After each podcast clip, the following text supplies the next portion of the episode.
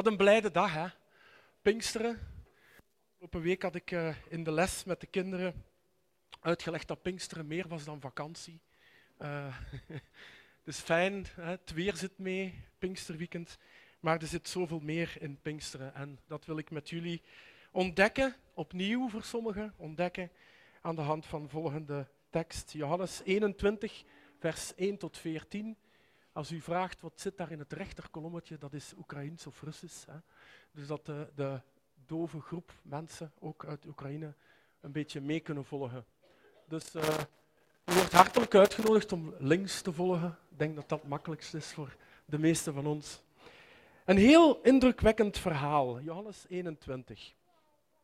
Hierna verscheen Jezus weer aan de leerlingen, nu bij het meer van Tiberias. Dat gebeurde als volgt. Bij het meer waren Simon Petrus en Thomas, dat is Didymus, tweeling, Nathanael uit Cana in Galilea, de zonen van Zebedeus en nog twee andere leerlingen. Met een stuk of zes, zeven. Simon Petrus zei, ik ga vissen. Wij gaan met je mee, zeiden de anderen. Ze stapten in de boot, maar de hele nacht vingen ze niets. Toen het al ochtend werd, stond Jezus op de oever, maar de leerlingen wisten niet dat het Jezus was. Hij riep, hebben jullie iets te eten, jongens? Nee, antwoordden ze. Gooi het net uit aan de rechterkant van het schip, riep Jezus. Dan lukt het wel. Ze, riepen het, ze wierpen het net uit en er zat zoveel vis in dat ze het niet omhoog konden trekken. De leerling van wie Jezus veel hield, zei tegen Petrus, dat was Johannes, zei tegen Petrus, het is de Heer. Zodra Simon Petrus dat hoorde, deed hij zijn bovenkleed aan, want hij was nauwelijks gekleed, en sprong in het water. De andere leerlingen kwamen met de boot en sleepten het net vol vis achter zich aan. Ze waren niet ver van de oever, ongeveer 200 L. Dat is zo een honderdtal meter. Toen ze aan land kwamen, zagen ze een vuurtje met vis erop en brood. Jezus zei, breng ook wat van de vis die jullie daarnet gevangen hebben. Simon Petrus ging weer aan boord en trok het net aan land. Het zat vol grote vissen, wel geteld 153. En toch scheurde het niet. Het net. Het net scheurde net niet. Jezus zei tegen hen, Eet iets. Geen van de leerlingen durfde hem te vragen wie hij was. Ze begrepen dat het de Heer was. Jezus nam het brood en gaf hun ervan. En hij gaf hen ook vis. Dit was al de derde keer dat Jezus aan de leerlingen verscheen nadat hij uit de dood was opgestaan. Ik vind dit een hele prachtige gebeurtenis. Dit gedeelte gaat over discipelschap. Discipelen, leerlingen, volgelingen van Jezus. We bevinden ons in de tijd na Paas, toen in dit verhaal, maar ook vandaag, de tijd na Pasen. Jezus is er niet meer, gestorven op Golgotha voor de zonde van de mensen. Maar de tijd van Jezus lijkt voorbij. Het lijkt alsof het allemaal maar een sprookje was. Jezus was gestorven en hij was er niet meer. Ja, sommigen spraken over de verrijzenis van Jezus, de opstanding, dat Jezus was opgestaan uit de dood. Maar de meesten twijfelden. En dan, voor ons gedeelte van vandaag, verscheen Jezus ook aan, zijn discipelen en toonde zijn handen met zijn wonden. Thomas was een keer er niet bij en die kon het niet geloven. En nadien was Thomas er wel bij en kon hij voelen aan de handen van Jezus. Jezus was verschenen en had zijn wonden laten zien. En dan gaf Jezus de opdracht om naar Galilea te gaan. En daar zijn de discipelen nu. Dit is ons verhaal. Ze zitten daar in Galilea aan het meer van Tiberias, ook wel het meer van Galilea genoemd. En ze visten daar wat. Ja, ze zaten zo in een schemerzone van, ja, is het nu voorbij met Jezus? Of, en ze hadden Jezus al een keer gezien, maar ja, het was een hele verwarrende periode. En ze gingen maar weer vissen, een vroegere beroep oppakken en We zien wel wat er gebeurt, maar ze vingen niets, de hele nacht niet. En dan staat er op de oever een man, Jezus, die zijn leerlingen nog eens de opdracht geeft van, ja, gooi het over een andere boeg in je leven. Gooi het net een keer aan de andere kant uit. Dat is wat de dopelingen eigenlijk ook doen. Ze, ze hebben het net aan de andere kant uitgeworpen. Het over een andere boeg gegooid. En het resultaat, ze vangen een enorm aantal vissen. En plotseling weten ze het. Het is de Heere. Wie kan er anders zo'n wonder doen? En daarna krijgen ze van de Messias de ware opdracht om vissers van mensen te zijn. En zo is de cirkel rond. Het gaat hier over discipelschap, over leerlingen die groeien in hun volgen van Jezus. Jezus had zijn leerlingen drie jaar eerder opgevist, opgeroepen, geroepen om hem te volgen. En dan gaat Jezus na dit verhaal gaat Jezus naar de hemel, hemelvaart, veertig dagen na Pasen.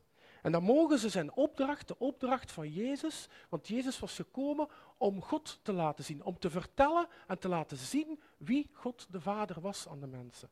En dan geeft hij de opdracht aan zijn discipelen, aan zijn leerlingen. De weken na Pasen maakt Jezus zelf zijn leerlingen startklaar voor het vissen van mensen, voor het vertellen wie God is aan de mensen. En dan daarna, tien dagen na hemelvaart, en daar zijn we vandaag, Pinksteren. Op Pinksteren heeft Jezus vanuit de hemel, Jezus ging van de aarde naar de hemel, en vanuit de hemel stuurt hij de Heilige Geest naar de aarde, naar de gelovigen, om hen te helpen in de opdracht om te vertellen over God en mensen te dopen. We gaan daar straks nog eventjes op terugkomen.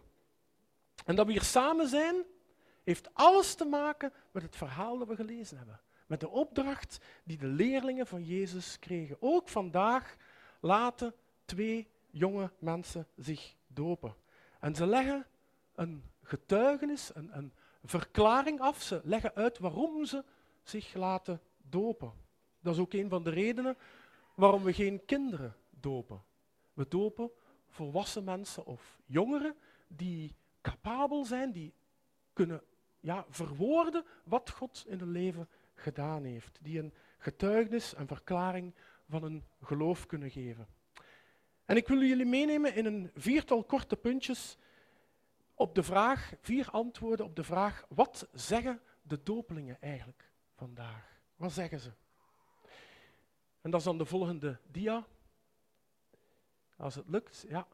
Het eerste wat ze zeggen is, ik wil Jezus volgen, ik wil doen wat Hij mij zegt. In ons verhaal zien we dat de leerlingen van Jezus helemaal niets vingen de nacht. Wie zonder Jezus iets onderneemt, loopt een doodlopend straatje in. Het eindigt op niets dat eeuwigheidswaarde heeft. Pas nadat de leerlingen luisteren naar de instructie van Jezus, vangen ze een overvloed aan vis. Het herinnert ook aan het wijnwonder dat eerder in het uh, Johannesevangelie staat opgeschreven, waar Maria zegt, doe maar wat hij jullie zegt, wat het ook is. Dus ik vind dat een van de mooiste woorden van de Bijbel. Maria, de aardse moeder van Jezus, die zegt, doe maar wat hij zegt, wat het ook is. Wauw, mooi. Als je je laat dopen, zeg je in feite, ik wil Jezus volgen. Ik wil doen wat Hij me zegt. Wat het ook is. Dat is een, een straffe uitspraak. Zoals een oud lied het zegt, er zijn wat oudere mensen onder ons die kennen zeker nog dat lied. Gods weg is de beste. De beste altijd. Gods weg is de beste. Waarheen Hij jou ook leidt. Wat er ook gebeurt. Wat het ook is. Ik wil Jezus volgen. Tweede, wat dopelingen willen zeggen, ik ben opgestaan in het nieuwe leven. In ons gebeurtenis die we gelezen hebben, Petrus, hem kennende, was Haantje de Voorste, springt in het water. Bij dopen spring je eigenlijk ook een beetje in het water. Uh, je gaat onder in het water. Dat is een symbool dat je oude leven zonder Jezus, dat je dat afgelegd hebt en dat je in het nieuwe leven bent opgestaan. Net zoals Jezus gestorven is, begraven en daarna is opgestaan, zo is de doop een symbool van het oude leven dat begraven is en het nieuwe leven. Daarin zijn de dopelingen opgestaan. Als je laat dopen, verklaar je aan de leden van de kerk, aan al de bezoekers, iedereen die er is, ik wandel in het nieuwe leven met Jezus. Dan zeg je, ik ben een volgeling, een leerling van Jezus, discipelschap. Ik geloof dat Jezus voor mijn zonde is gestorven en opgestaan is uit de dood. Ik wandel in het nieuwe leven. Het is geen sprong in het duister. Soms hoor ik wel eens zeggen, ja maar geloven, dat is een sprong in het duister. Er zijn zoveel onzekerheden. Nee, het is eigenlijk een sprong in het licht. Want Jezus zegt, ik ben het licht van de wereld. Wie mij volgt, loopt nooit meer in de duisternis. Dus als je kiest voor Jezus, is een sprong in het licht. Zoals een oud lied het zegt, ik wandel in het licht met Jezus. De donkere nacht ligt achter mij. Een derde iets dat dopelingen zeggen is, ik wil eten uit uw hand. Er volgt een maaltijd aan het strand met de leerlingen. Ze eten vis en brood, ze erkennen Jezus. En elke dag mogen wij ook maaltijd houden met Jezus.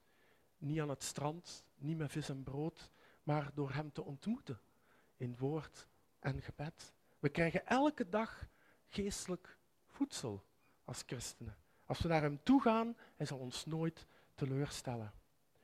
Misschien ook nog iets zeggen over die grote vissen, die 153 grote vissen. dat lijkt misschien banaal naar onze maatstaven. Het zijn er ja, 153 vissen. Is dat nu zo belangrijk? En dan? Hè?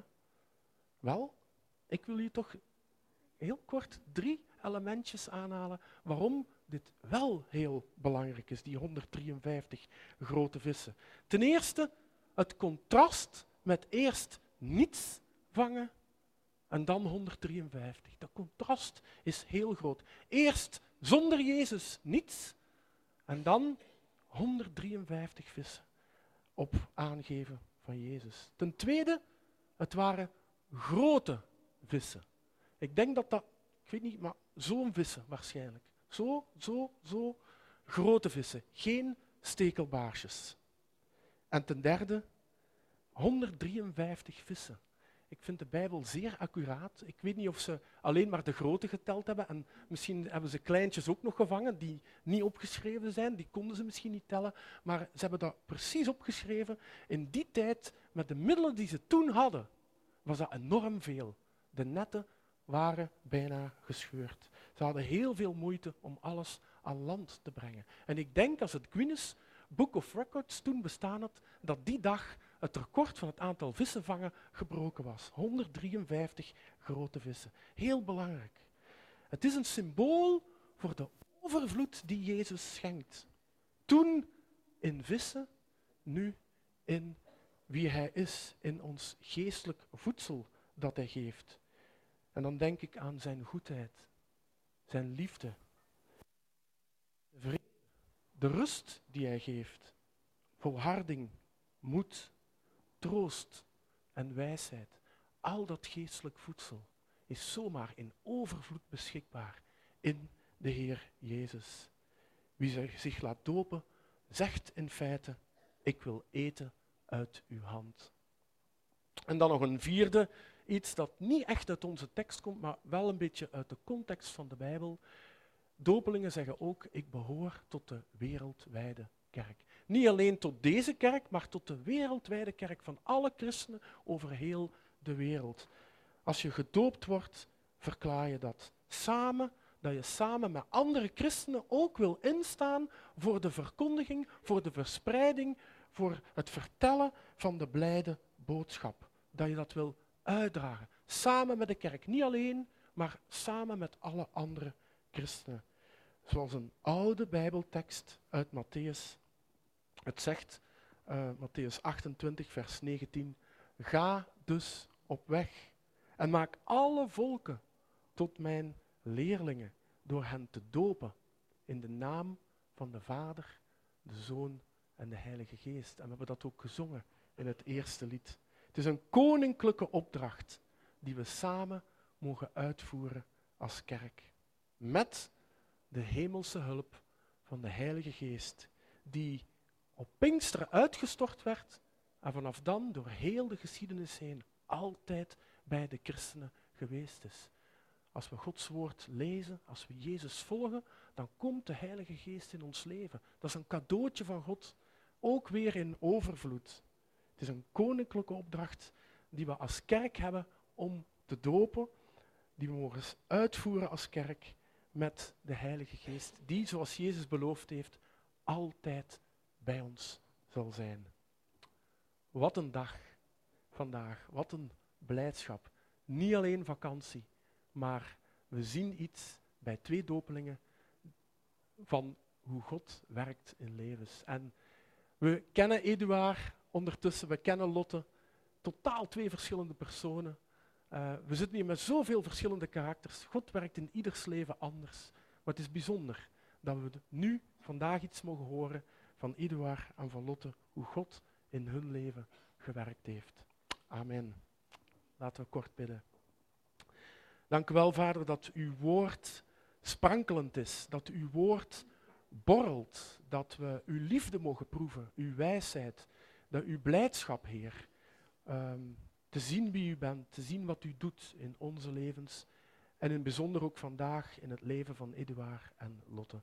We danken u dat we daar als kerk, als familie, als vrienden rondom uh, getuigen mogen zijn van wie u bent en wat u doet. In Jezus' naam. Amen.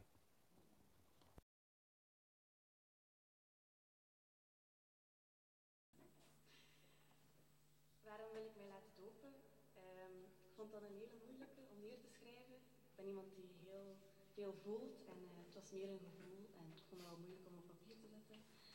Maar um, ik heb het niet altijd heel gemakkelijk gehad met geloof. Um, ik ben wel opgegroeid met christendom en mee opgevoed. Uh, maar op een gegeven moment ben ik niet meer meegegaan naar de kerk en ik denk dat ik zeker zes jaar niet meer naar de kerk ben geweest. En ik keerde meer en meer mijn rug toe naar God.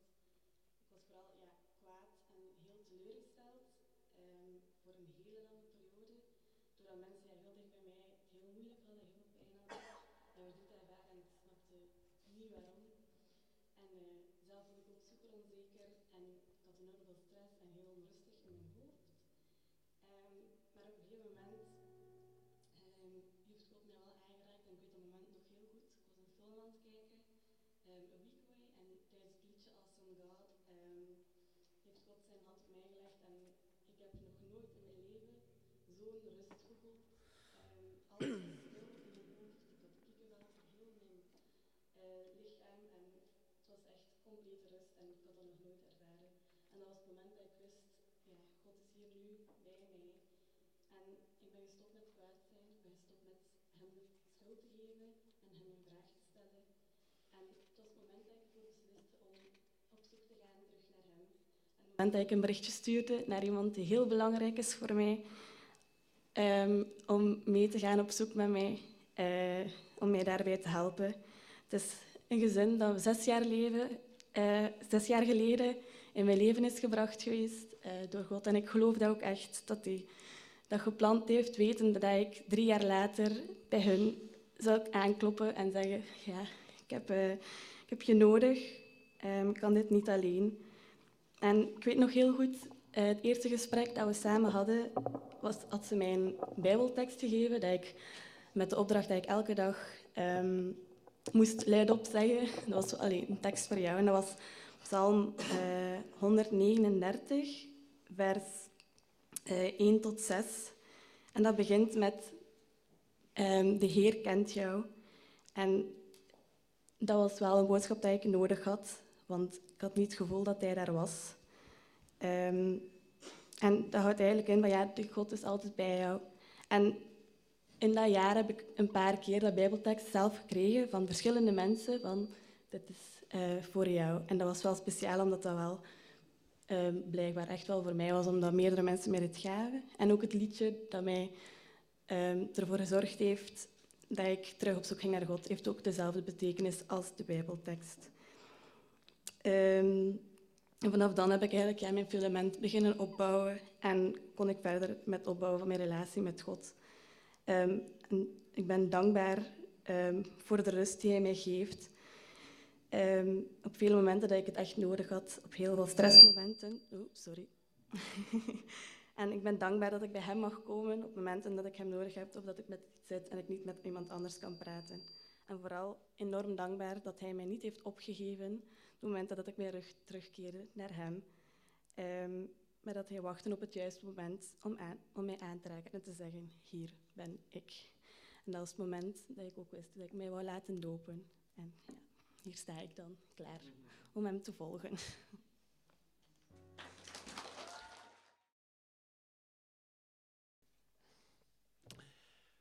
Hallo iedereen. Um, ik had eigenlijk zelf niet verwacht van hier uh, vandaag te staan.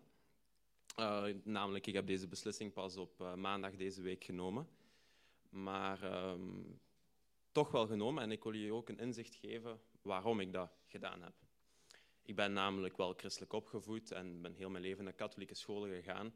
En ben daar ook heel dankbaar voor, want ik heb daar ook heel veel aan gehad. Ik ben heel blij met de waarden en normen die ik heb meegenomen. Maar hetgeen dat ik nooit heb geleerd is eigenlijk om een relatie met God op te bouwen. En ja, ook enerzijds gewoon omdat ik daar eigenlijk nooit de nood van in zag. Ik dacht van, ik heb mijn leven, ik ben goed bezig. Waarom zou ik dat zelfs nodig hebben?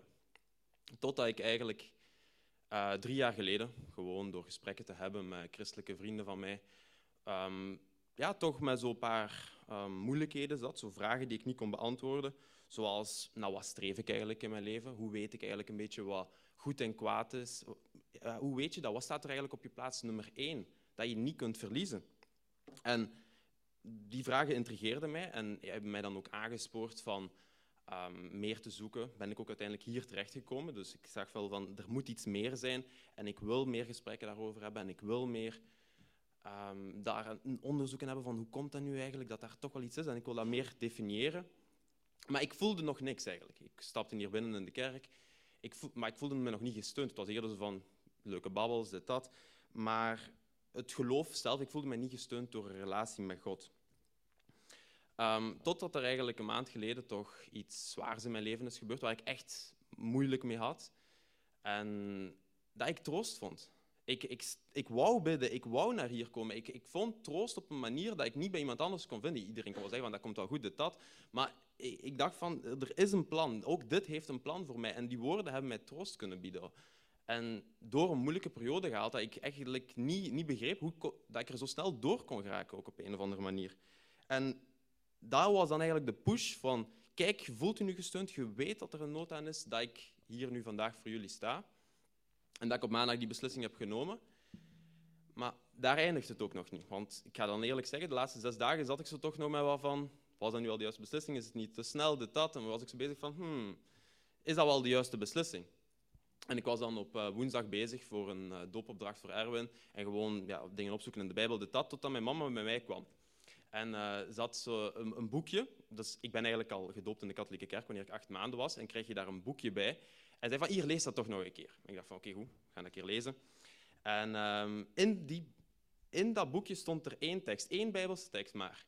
En dat was Marcus 4, 35, 41. Dat was Jezus in de storm samen met de apostelen. De apostelen vroegen van, ja, gaat het u niet aan dat wij hier vergaan?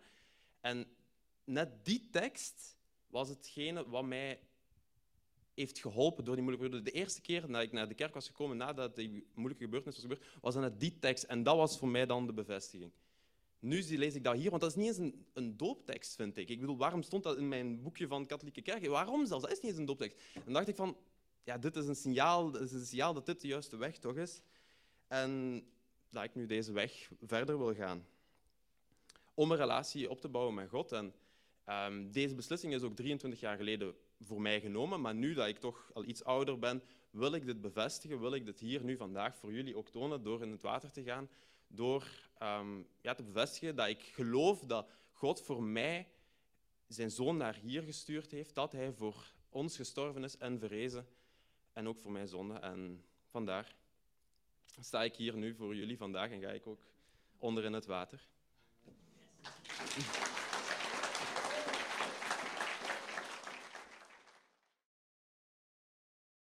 We zijn uh, toegekomen aan de eigenlijke doop.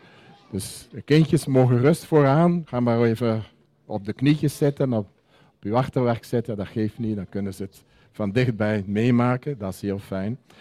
Ehm, we gaan elke keer een, eh, een, stukje van een lied zingen tijdens de doop. Net voor, terwijl uh, de dopers en één voor één de dopelingen in het bad gaan. En ik wil uh, vragen, er is ook een, trouwens een dooptekst, krijgen jullie mee. Ik ga die lezen als je in het water staat.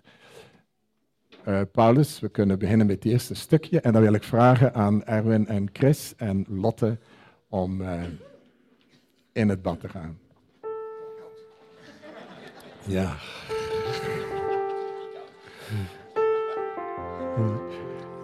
Geen bommetje.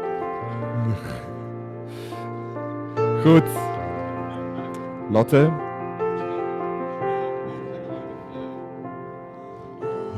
Zonde, al mijn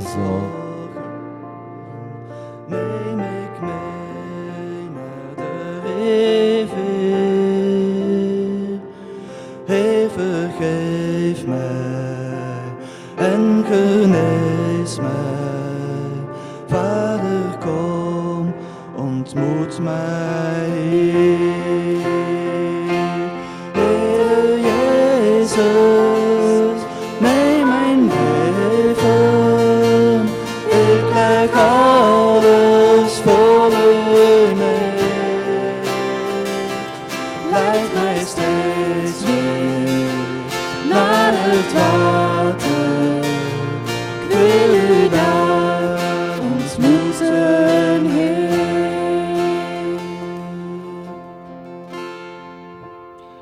Lotte, jouw uh, dooptekst komt uit 2 Korintiërs, hoofdstuk 5, vers 17. Daarom ook is iemand die één met Christus is een nieuwe schepping. Het oude is voorbij, het nieuwe is gekomen. Als u het niet kan zien, moet u gaan staan. Hè? Ik bedoel, dat is heel Maar niet de mensen vooruit.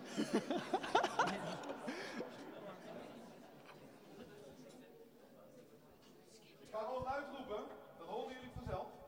Ja, hè? Kan mensen.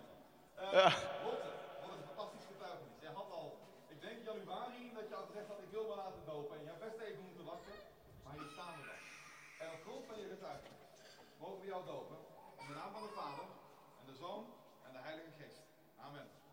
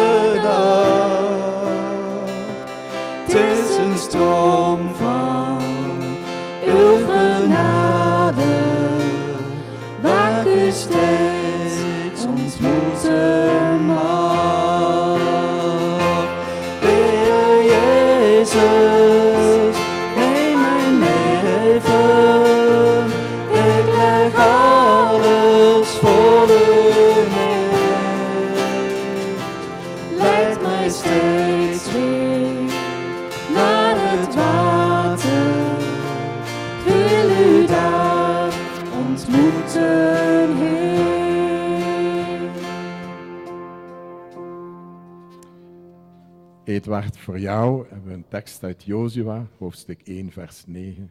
Wees vastberaden en standvastig. Laat je door niets weerhouden of ontmoedigen, want waar je ook gaat, de Heer je God staat je bij.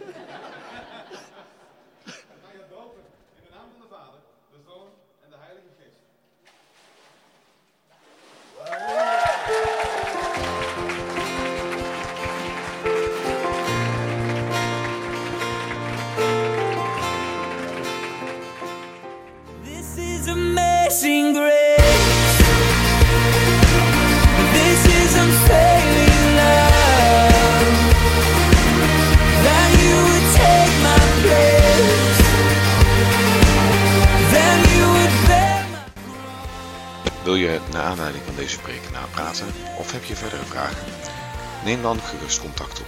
Dat kan via veg.deburg.gmail.com of kijk op onze Facebookpagina VEG De Burg.